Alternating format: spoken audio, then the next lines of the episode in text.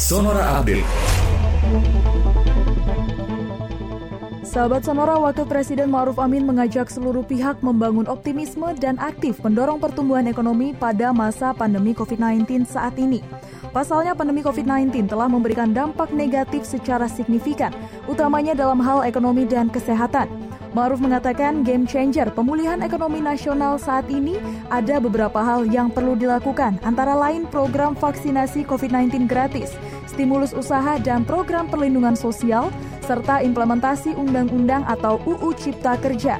Oleh karena itu menurutnya seluruh komponen bangsa pun perlu bijaksana menyikapi kondisi saat ini. Kementerian Perindustrian atau Kemenperin menargetkan investasi di sektor industri manufaktur mencapai 323,56 triliun rupiah pada tahun 2021 atau naik 58,28 triliun dari target tahun 2020 sebesar 265,28 triliun rupiah. Menteri Perindustrian Agus Gumiwang menyatakan, proyeksi serapan investasi ini berdasarkan asumsi pandemi COVID-19 yang terkendali dengan adanya program vaksinasi. Sasaran investasi yang tumbuh positif tersebut juga sejalan dengan pertumbuhan industri pengolahan non-migas yang diproyeksikan naik menjadi 3,95 persen pada tahun 2021.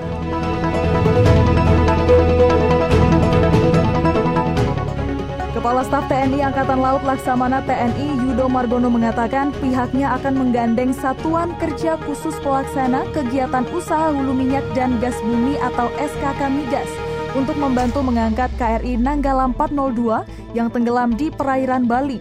Kapal SKK Migas menurut Yudo memiliki kemampuan untuk mengangkat kapal buatan Jerman tersebut. Yudo menjelaskan sampai dengan saat ini posisi KRI Nanggala 402 masih belum bergeser.